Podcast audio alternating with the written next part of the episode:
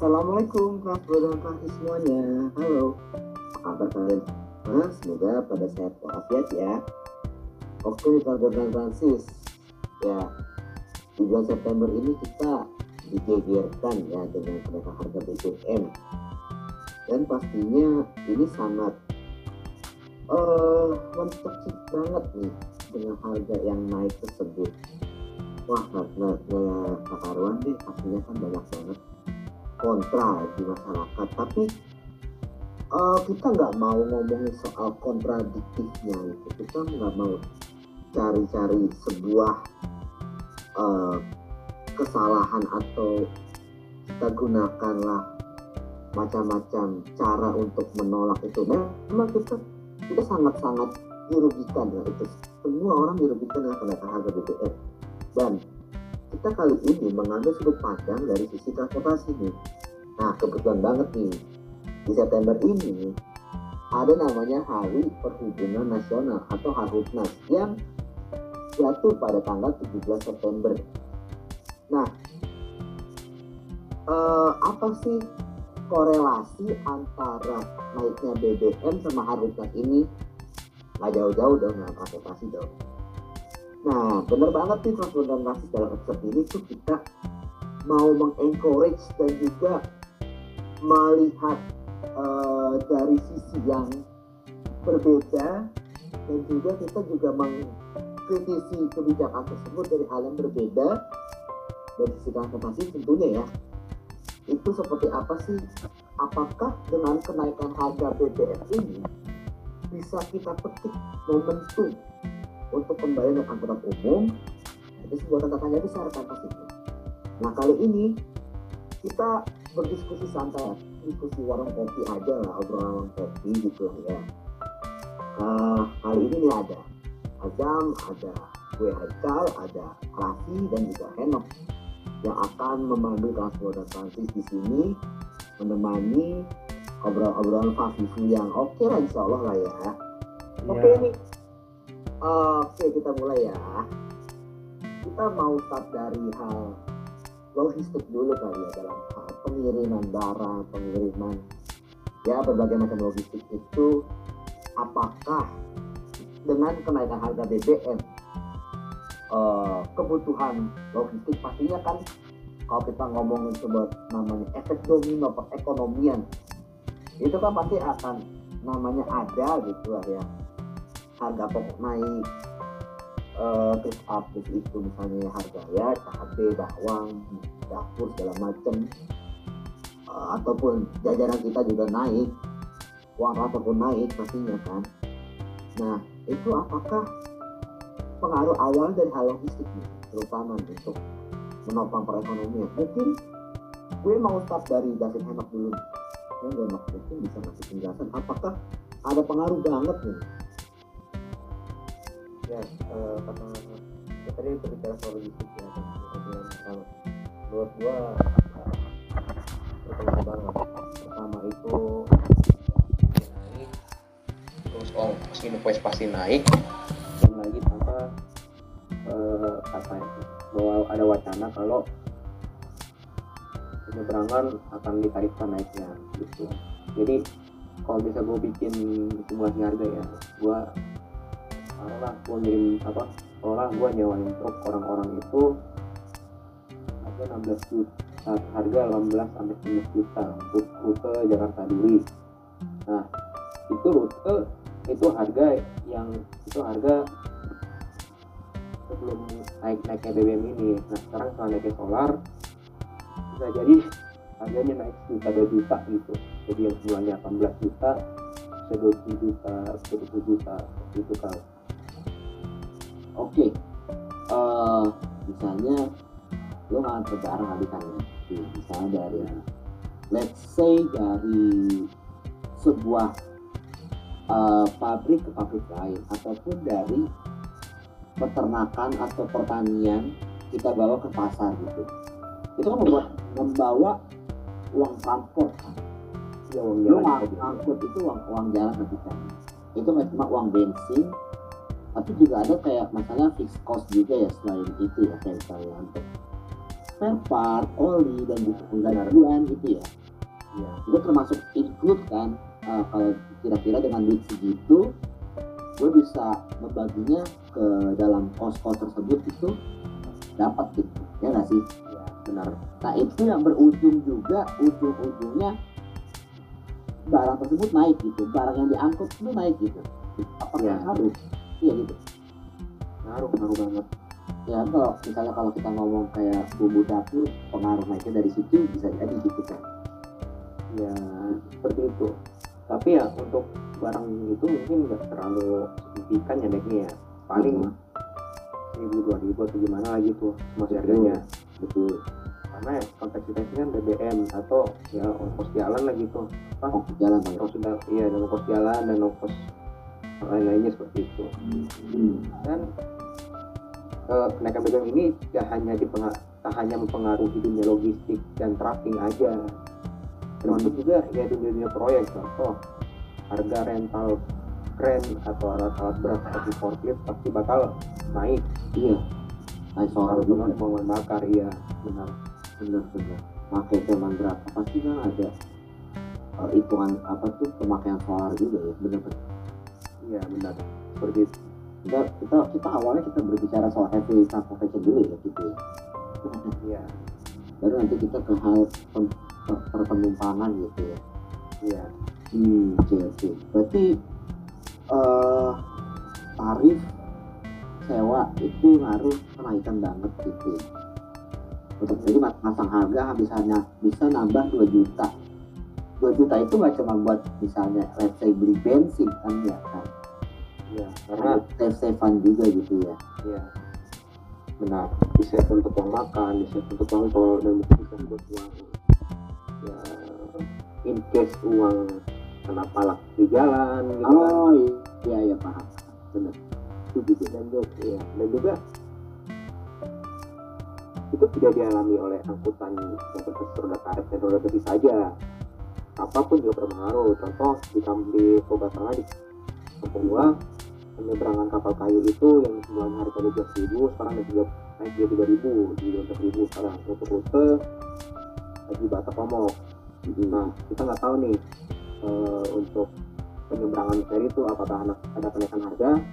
Tapi apa untuk penyeberangan feri swasta apakah ada kenaikan harga? Tapi yang pasti untuk penyeberangan feri ASDP itu sudah ada wacananya untuk kenaikan harganya. Hmm, SDP tidak ada kenaikan apa wacana kenaikan. iya Oke, oke. Jadi begitu kan modal gratis. Kalau dalam hal logistik itu sebenarnya fundamental banget yang akan ngaruh ke kita kita nih yang ya bahan pangan khususnya ya gitu naik ya salah satunya penyumbangnya itu dari transportnya itu pengangkutannya itu ya butuh bensin itu nah kalau dari dulu lagi no. Ada nggak sih yang motivasi dari dari kenaikan harga BBM ini Hmm, untuk sekarang ini gue masih bingung mau gimana ya. Karena ya yang pasti logikanya harga harga minyak itu pasti naik. Kenapa? Ya pertama perang luar negeri terus istilahnya kenaikan harga minyak dan yang tidak stabil gitu. Dan ya itu mesti naik kayak gitu. Dan kalau emangnya bisa turun turun gitu. Betul ya kan? Subsidi itu ya. Ya dan lagi pula ini eh, gue mau ngomong ini tapi ya lah kalau misalnya nanti gue tiba-tiba kena kritisi apa oleh teman-teman sejawat mahasiswa ya gue mau kasih tahu aja ya. BBM itu pengen gue tahu aja BBM gampang ketemu di Jawa. Tapi mohon maaf kalau di Sumatera susah Kalimantan apalagi Papua. Mereka kuat beli Deslite sana. Hmm. non subsidi saking nggak ada yang subsidi dan sedangkan di Sumatera aja yang namanya Pertalite nggak ada. Mereka beli pertama justru untuk mobil mobil bensin. Hmm. yang kritisi belum lagi pengangkutan antar apa pengangkutan bahan bakar ke antar pulau. Aja shippingnya itu juga ya biaya juga tuh ya. Kompleks ya. Benar. Dalam hal Iya, benar. kompleks juga dong. Iya benar. Makanya kenaikan BBM ini jangan lu demoin satu sudut pandang aja. Mm itu yang yang bilang kita nggak boleh makan dari infrastruktur tuh atau dipertanyakan logikanya ke mana. Hmm. iya iya gue ngomong gue maaf nih gue ngomong begini ya. Tapi ya kenyataannya begitu semuanya nggak bisa lebih jauh gitu ya jadinya seperti itulah ini, sudah pandang yang baik uh, dengan adanya kita ngomongin uh, soal BBM itu dari sudut pandang transportasi gitu karena memang iya memang ini soal satu masalah ini luas banget gitu. Anyway, thank you Nok atas penjelasannya. Kita sekarang beralih ke uh, Azam. Mungkin dari Azam ada dikritisi apa terkait ya? Uh, misalnya harga harga lu ngeteng gitu ya lu ngeteng dari Parung ke Lampung itu jadi mahal kah atau harga jajanan di sana jadi lebih mahal lagi kah? Ya harus lu ya kudu pengeretan lah gitu. Gimana gak mungkin? Penjelasan dari lu ya uh, untuk PPT ya sama kayak bilang gue juga masih bingung. Oke jadi ya gue juga masih ngeliat dari berbagai sudut pandang gitu nggak dari satu sudut pandang. Jadi agak susah untuk mengkritisinya. Nah terus kalau dari gue sendiri sebagai penglaju Lampung ibu kota pastinya dari segi transportasi itu ada kenaikan lah. Kemarin dari PO negara sudah ada pengumuman buat naik. Yang sekitar naik 35an lah. 35 ribu. Ya sekitar segitulah naiknya lah. Terus juga nggak tahu juga nih belum ada. Kan gue sering naik bis yang 3 per 4 tuh. Itu belum ada pengumuman lagi tuh naiknya berapa? Kemarin sih masih di angka 50 ribu. Mungkin agak naik sedikit sih. Terus juga dari ASDP Ferry Ferry Z. Itu belum ada kabar juga atau mungkin nanti kalau ada kabar gue lihat lagi updateannya berapa. Untuk ngeteng mungkin ada sedikit tambahan dikit ya untuk budgetnya. Apalagi kalau misalnya tuh gue ngeteng tuh suka naik lokmer lokal merak, lokal merak. Nah itu kalau dari arah Lampung sini tuh nyesuaiin jadwalnya tuh agak susah. Jadinya gue kudu naik bis dulu dari terminal merak ke arah ibu kota. Dan itu pasti ada kenaikan lagi tuh baru kerasa. Jadi kalau misalnya bisa disimpulin eh, dari Jakarta ke Lampung itu ada sedikit kenaikan. Mungkin ada tambahan budget dikit tapi kalau dari Lampung ngeteng ke ke Jakarta itu ya berdobel-dobel lah naik lah. Ya gitu. Jadi nggak terlalu masalah yang besar buat gua. Karena yang paling utama ya pulang sih itu. Eh bentar kan itu bahas transportasi Nah jajanan, sekarang jajanan, jajanan. logistik logistik. Eh bukan logistik sih namanya? Jajanan ya. Jajanan ya. makanan sekitar gaya hidup lah gaya hidup. Gaya hidup ya gaya hidup gua. Gaya hidup gua santai aja sih maksudnya kayak nggak terlalu berlebihan. Uh, normal normal aja dan nggak belum terlalu ngerasain dampak dari naiknya BBM sih. Harga-harga masih normal. Ayam geprek pakai ST sepuluh ribu ya masih normal lah itu. Oke lah ya masih oke lah tapi memang untuk pulang sebagai pengelaju yang istilahnya Lampung Jakarta itu kalau kita tarik garis lurus juga ya sehari misalnya setengah hari gitu lah kita nyampe lah gitu kurang lebih yang ngomong. Iya. Ngomong gitu berangkat subuh sampai Jakarta jam bis asar gitu let's say let's say. Gitu. Itu nggak nggak terlalu yang mencapekkan gitu ya Nah, oh ya kalau bentar kak. Apa gitu? Nih Apa ini kalau dari maksudnya dari perubahan teman-teman gua nih, maksudnya kayak ya mahasiswa-mahasiswa yang uh, gunain kendaraan bermotor itu ada perubahan sedikit sih. Yang oh. gua lihat dari teman-teman gua. Jadi mereka tuh lebih ya tetap paksain isi walaupun harga naik Hmm. eh, ya jatuhnya apa ya udahlah bagian lah bagian isi baik gitu ya, cuman dikurangi mobilitasnya gitu yang deket-deket aja nggak jauh-jauh Oke.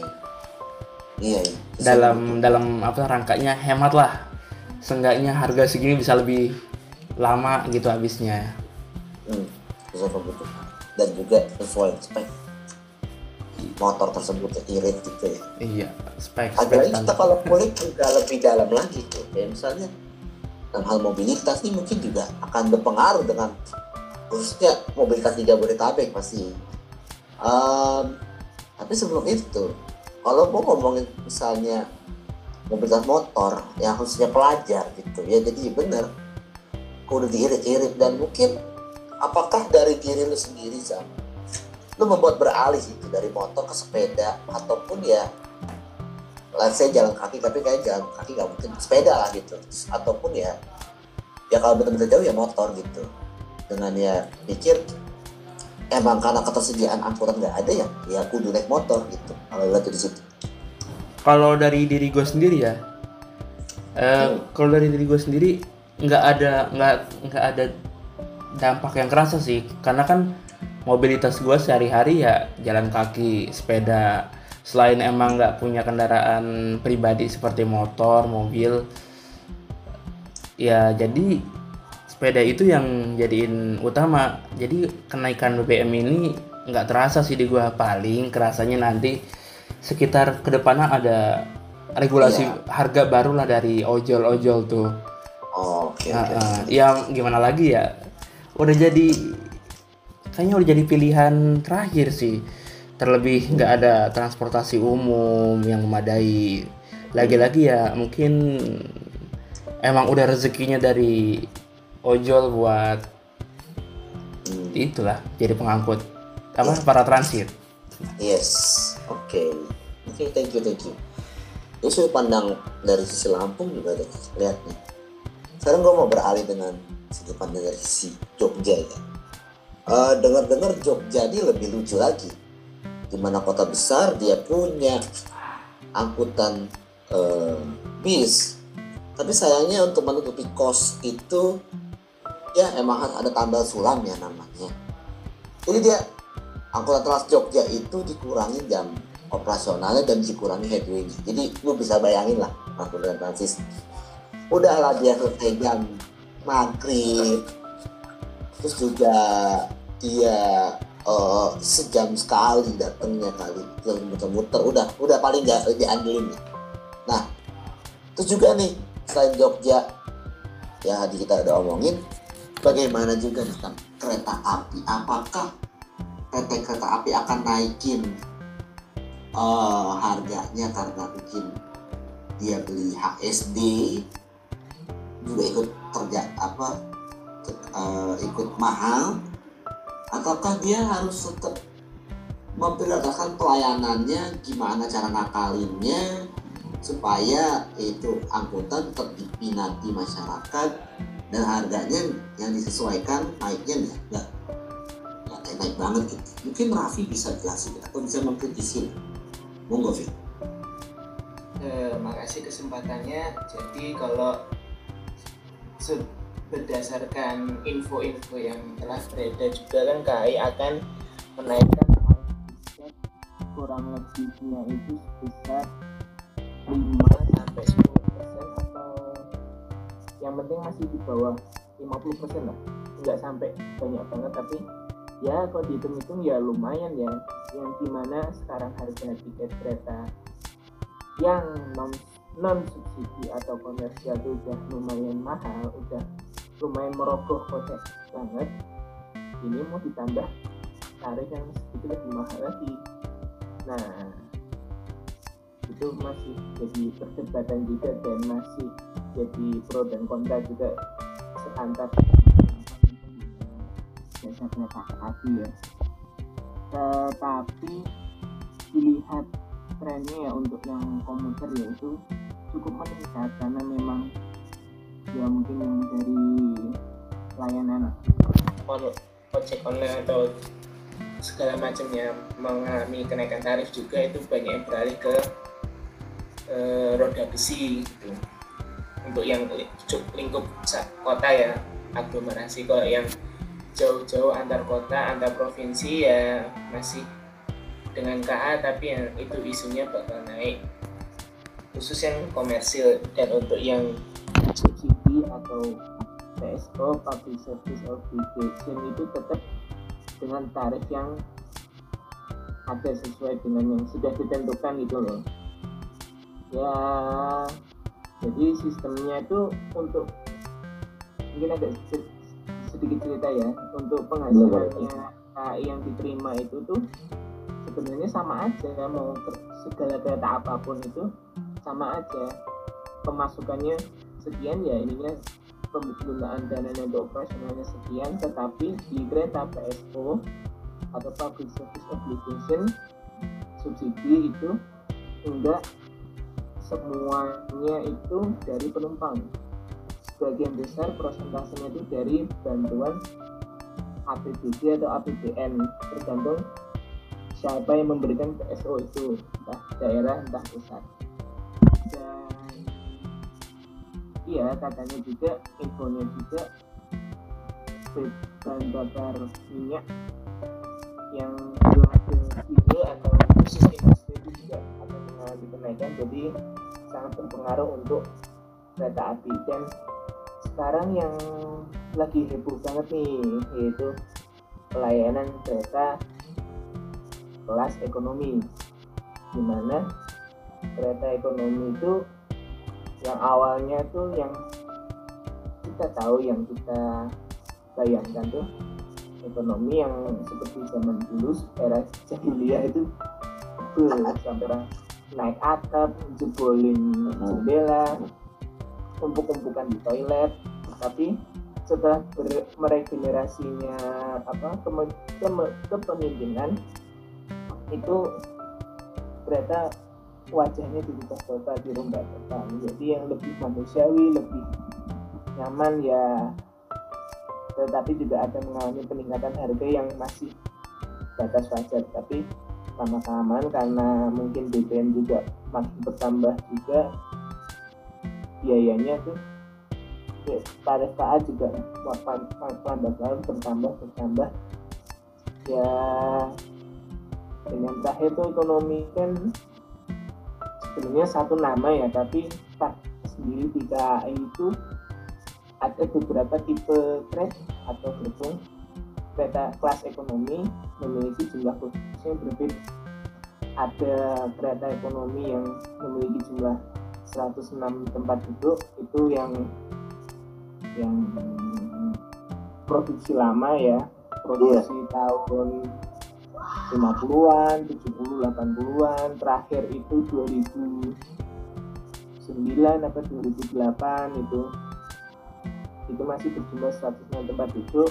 Nah mereka itu penggunaannya ada yang subsidi dan non subsidi jadi kadang yang non subsidi itu paling sering mengeluhkan itu loh dengan harga sekian tetapi eh, pelayanannya seperti ini. Kemudian yang mulai tahun 2010 sampai dengan 2014 itu kerjasama antar Kemenhub itu membuat kereta ekonomi yang lebih nyaman lagi gitu dengan berjumlah kursi 80 tempat duduk. Tetapi di beberapa salah kereta ada yang berjumlah 64 tempat duduk ya. Itu kereta yang dikhususkan untuk penumpang difabel lalu tahun berapa? kemudian 11 ya? Eh, yang yang premium tahun berapa sih? kemudian sebentar kemudian Oh. setelah itu Kemenhub itu bersama Kemenhub itu mulai 2016 itu KAI memesan kursi kereta ekonomi lagi yang sering disebut new image yang versi barunya itu berjumlah 80 tempat duduk juga tetapi formasinya berbeda dengan yang Kemenhub. Kemenhub itu dua hadap dua hadap dua hadapan sementara yang new image itu separuh menghadap ke depan separuh menghadap ke belakang tapi bertemunya di tengah. Nah kemudian 2017 KAI memesan dan memperkenalkan kereta ekonomi lagi nah di situ awal cikal bakal istilah kereta ekonomi premium itu muncul di tahun 2017 dengan livery yang bisa dibilang unik dan keren sih itu apa dengan motif bunga di tengahnya itu dan berwarna oranye dan ada sedikit campuran coklat dengan latar belakang mel putih. Nah, di tahun itu juga dikenalkan itu kereta ekonomi premium tetapi kursinya ada fitur recliningnya jadi bisa merebahkan gitu. Tapi nggak sampai rebah banget ya karena ya penumpang belakangnya kasihan nanti ke tinggi kemudian berlanjut lagi premium tahun 2018 dan juga tahun 2019 tapi dia modelnya itu bukan steel lagi tapi dia menggunakan armada yang lebih ringan atau stainless steel gitu tapi untuk interior kursinya sama berjumlah 80 tempat duduk dan bertemu di tengah juga.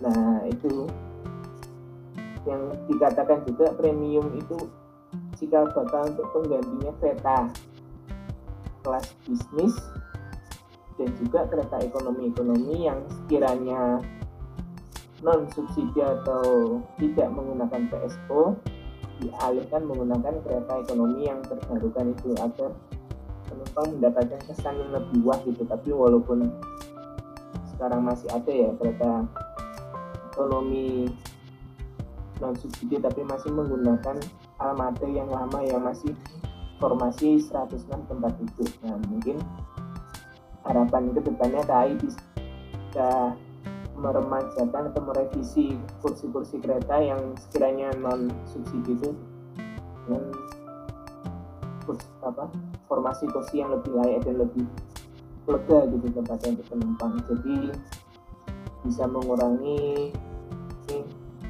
protes-protes yang sering bermunculan di sosial media. Tetapi emang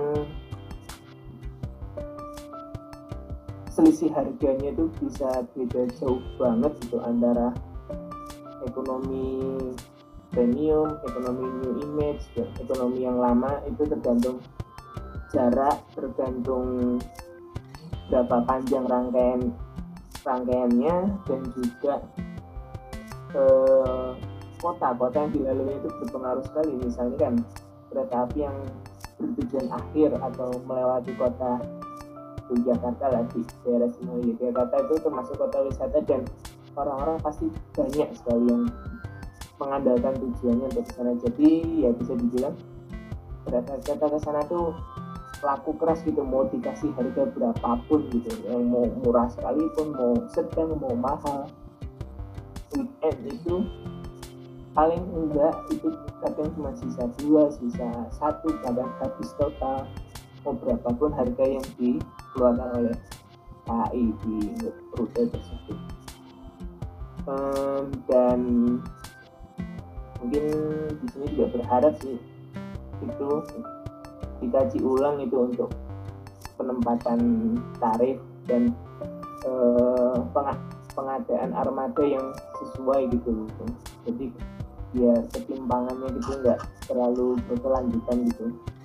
Betul betul. Itu gua gua pun sih ya jadi ini agak-agak gampang ya berarti mau naikin tapi pelayanan ya begitu. Ada yang banyak orang kalau masyarakat kan yang langsung mengkritisi gitu. Ini nggak nggak tahu detailnya seperti apa. Jadi kan kita sebagai operator juga harus gimana nih ngakalinnya gitu kan ngakalin pelayanan ini. Khususnya ya kemarin lagi rame soal tadi itu apa uh, kursi kursi peta ekonomi. Mungkin, ya. mungkin ekonomi itu uh, ya dulu ya mungkin. Ekonomi itu ya udah begini. Tapi sekarang orang kan demandnya akan pengennya banyak gitu. Banyak maunya BM iya. Juga tapi namanya di saat juga ya kan masih ditarik lokomotif itu lokomotif itu bahan bakar gitu kan. Yang paling paling gue itu lah. Terus mau bahan bakar naik gimana? Bisa nombokin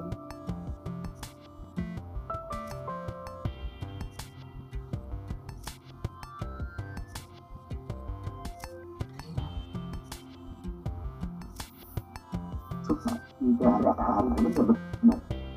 Memang eh, ini juga jadi salah satu efek domino yang agak besar sih untuk kereta api gitu loh apalagi kereta api yang monopoli gitu. Dan ya akhirnya ya banyak model-model bisnis yang harus dikeluarkan lagi gitu kan. Untuk bisa survive gitu lah.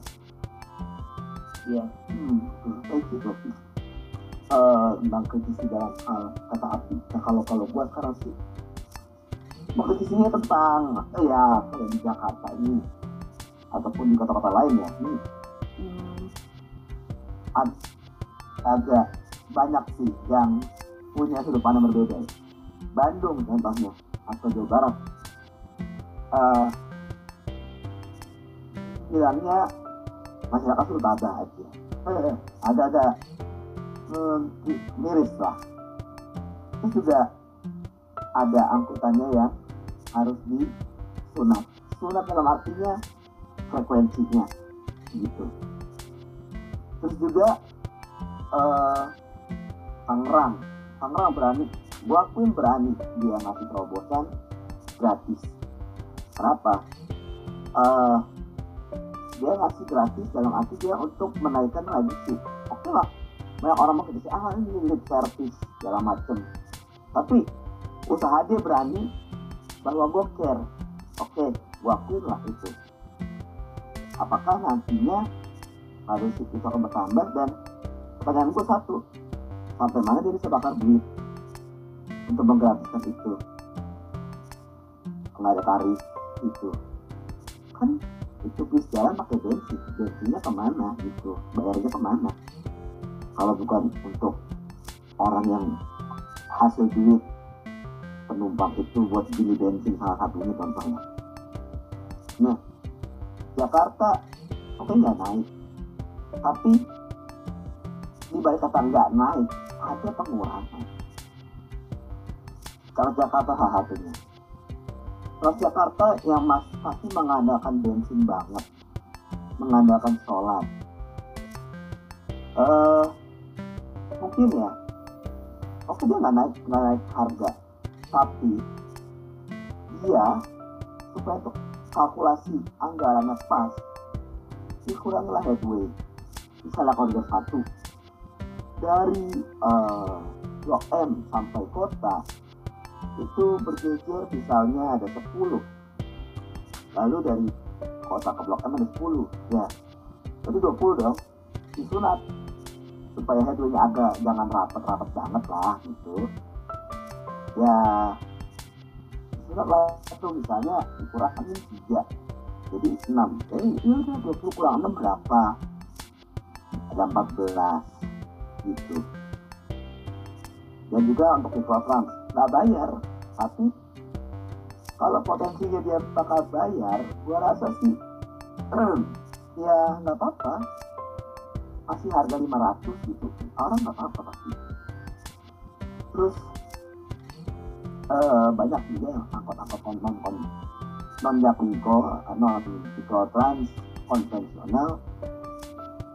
Naik harga dari 5000 ke 6000 kalkulasi itu udah dikalkulasikan naik 1000 itu ya untuk bayar ya fixed cost seperti oli, spare part, bensin ataupun gaji karyawan gitu.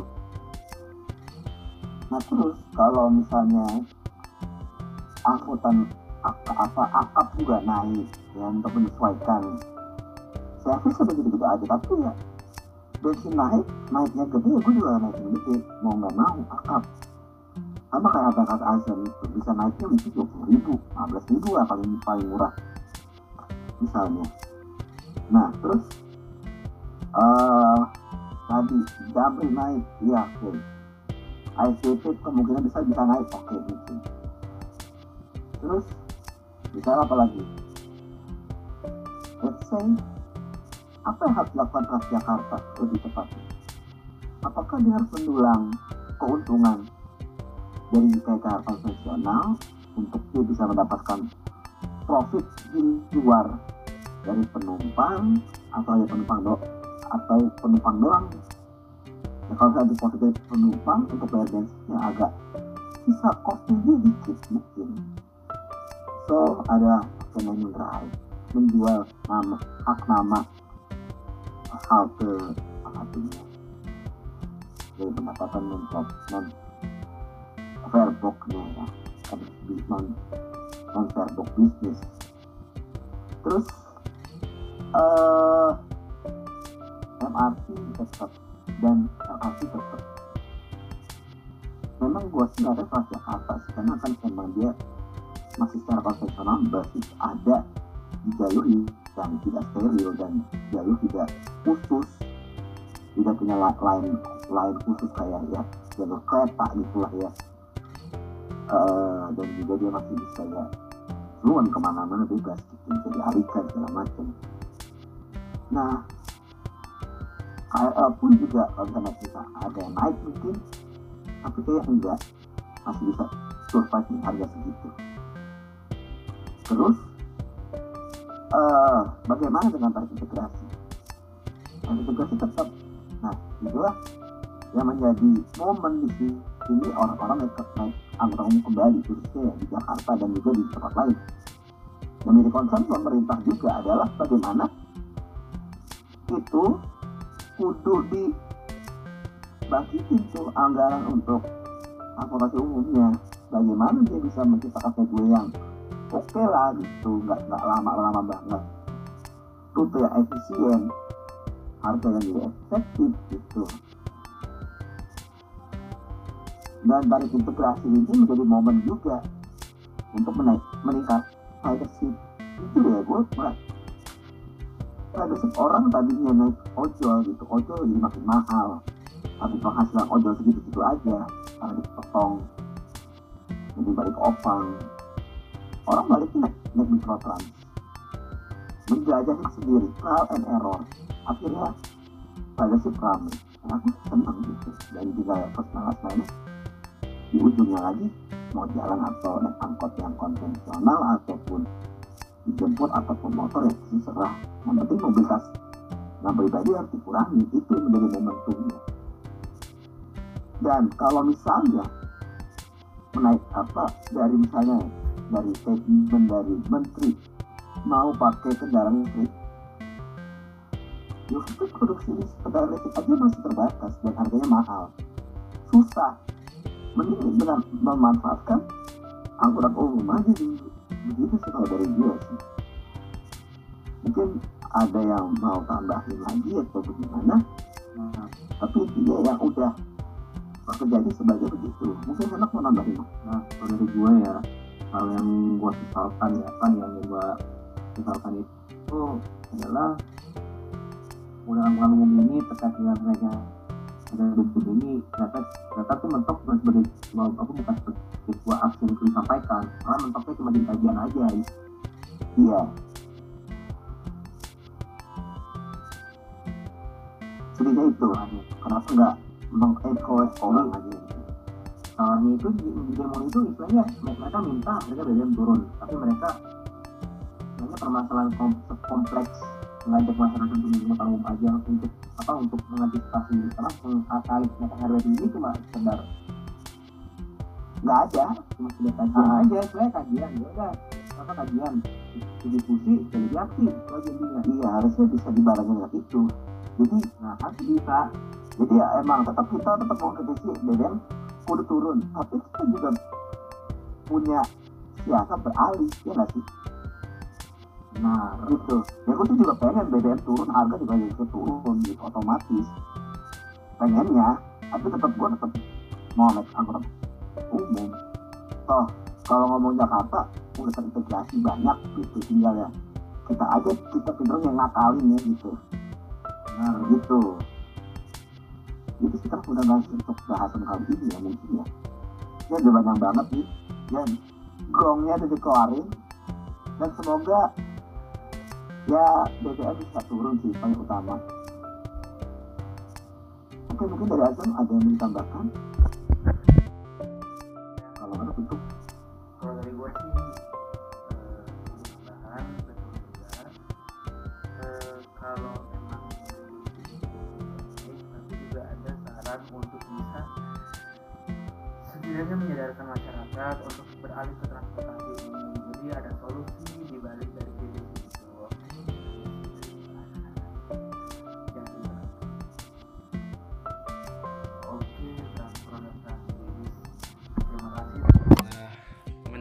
episode ini. Semoga bermanfaat apa pun yang kita bahas hari ini. Terima kasih. Eh, salam sehat. Assalamualaikum warahmatullahi wabarakatuh.